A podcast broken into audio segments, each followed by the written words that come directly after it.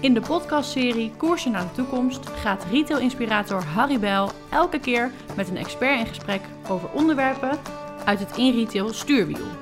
De kookwekker wordt gezet en na 20 minuten is het gesprek voorbij. Guillaume, super dat ik hier bij de Music Marketeers uh, mag zijn en dat jij deel nemen aan deze podcast. Ik wil het met jou heel graag hebben over wat doet muziek en wat doet muziek voor mensen en wat doet muziek voor winkels. Uh, daar ben jij volgens mij echt een specialist uh, op. maar ik begin altijd graag in deze podcast met een open vraag. en die vraag is, hoe zag jij zeg maar, vroeger iets opkomen wat ook waargekomen is, uitgekomen Ja, in de muziek, ik zit hier al heel lang in deze industrie, ik denk een jaar of dertig. En um, waarbij vroeger mensen zeiden van ja, doe maar een beetje achtergrondmuziek. Uh, zie ik nu wel de ontwikkeling dat mensen gelukkig, vind ik, veel meer nadenken van wie ben ik als bedrijf. Uh, wat voor product lever ik, wat voor klandizie heb ik. En ik moet echt wel zorgen dat de muziek aansluit bij mijn klandizie. Uh, en daar heb ik vele voorbeelden van. En dat is echt vroeger natuurlijk, heeft ook met de techniek te maken. Leverden we muziek op cassettebandjes of op een cd'tje. Dus ja, dan had je tien smaakjes en dan kon je één van de tien of twee van de tien ja. kiezen.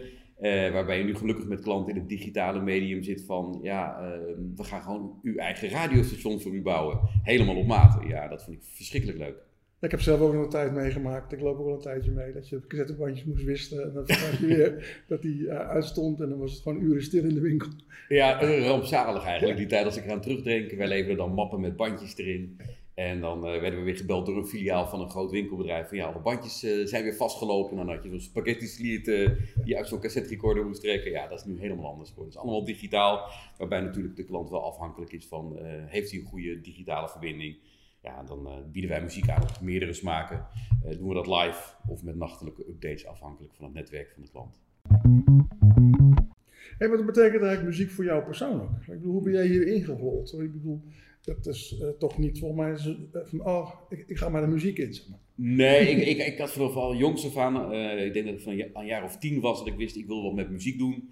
Nou ja, zingen zat er voor mij niet in, want die kwaliteit van mijn stem was niet dermate dat, dat je er echt blij van wordt. En ehm, ik weet nog wel, toen ik tien jaar was, toen kunnen mensen een beetje uitrekenen, toen was er Top Op op tv.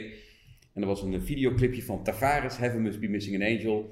En ik weet dat ik daar altijd dat helemaal te gek vond. Dat mijn ouders toen al zeiden, nou volgens mij gaat hij wat met muziek doen. En vanaf mijn veertiende ben ik platen gaan verzamelen. En uh, tot grote depressiviteit van mijn ouders ging iedere, iedere gulden die ik toen nog binnenkreeg, die ging gelijk naar de platenwinkel. En ik ben eigenlijk vrij jong al begonnen in, uh, bij Free Shop, grote platenketen van toen. Uh, en altijd in de muziekindustrie gebleven.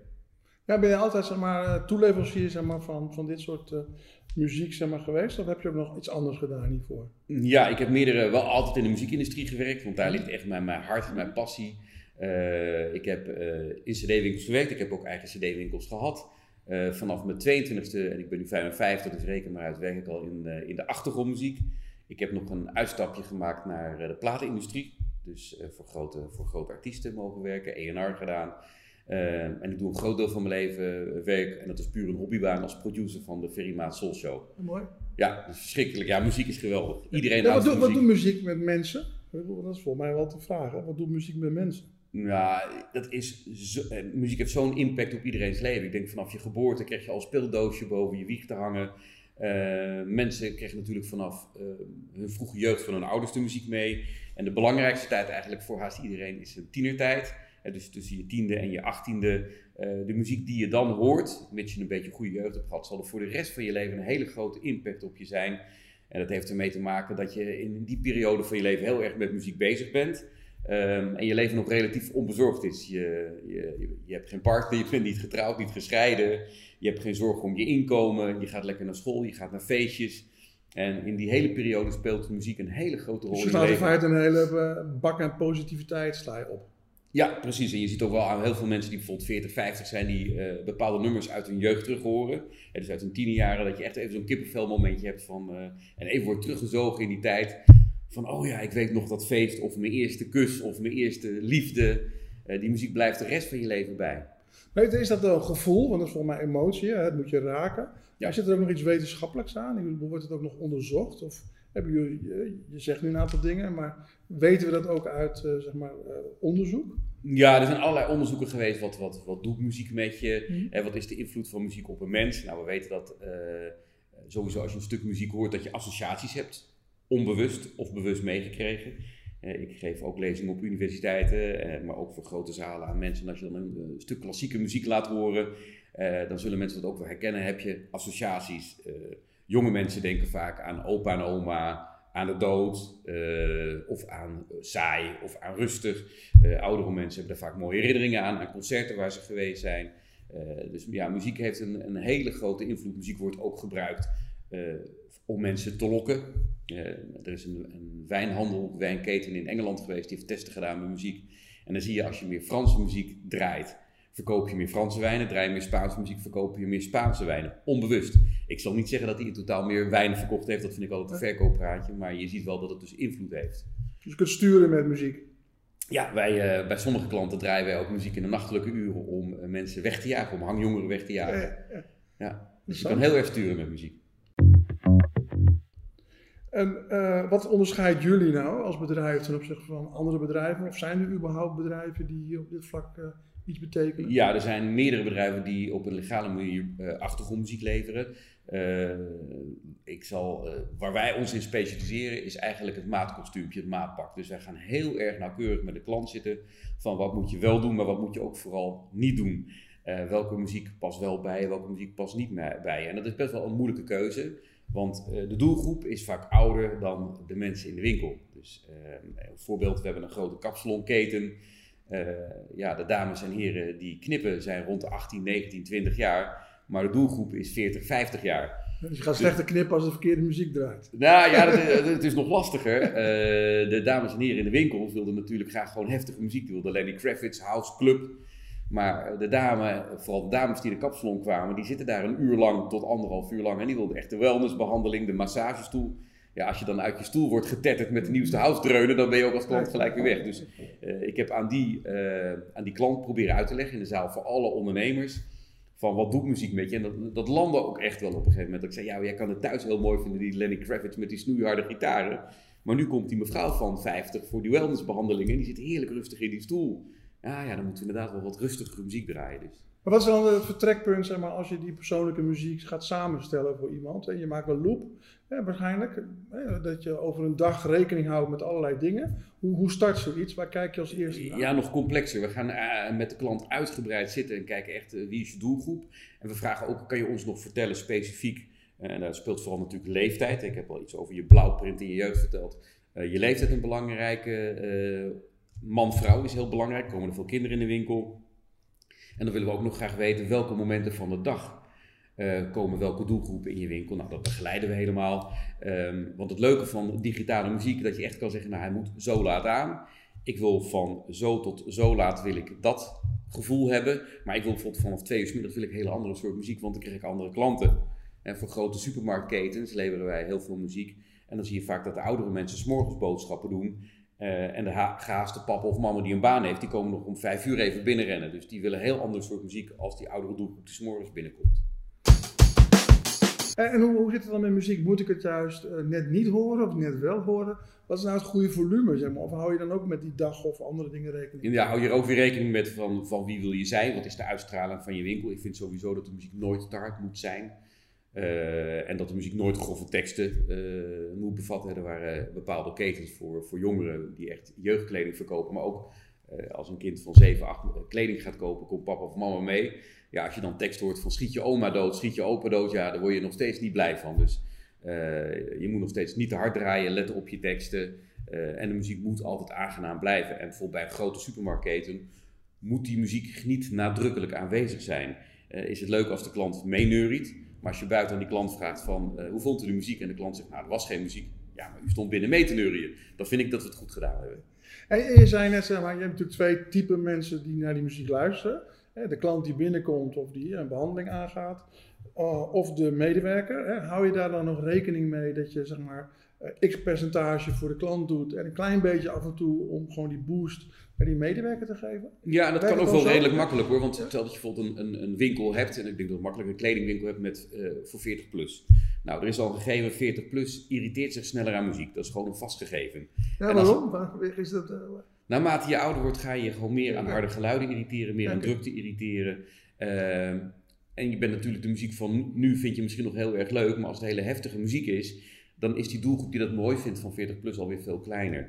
Dus dan kan je nog steeds hele goede muziek draaien, waarbij je een mix maakt van muziek uit de, de tienerjaren, wat ik al zei van die persoon, maar ook muziek die erbij aansluit. En er is zat goede muziek, uh, waar ook een 50 of 60 plusser zich niet aan irriteert en zelfs heel erg leuk vindt, waarvan de jongeren ook zegt, nou, dit is te gek, dit past ook bij mij.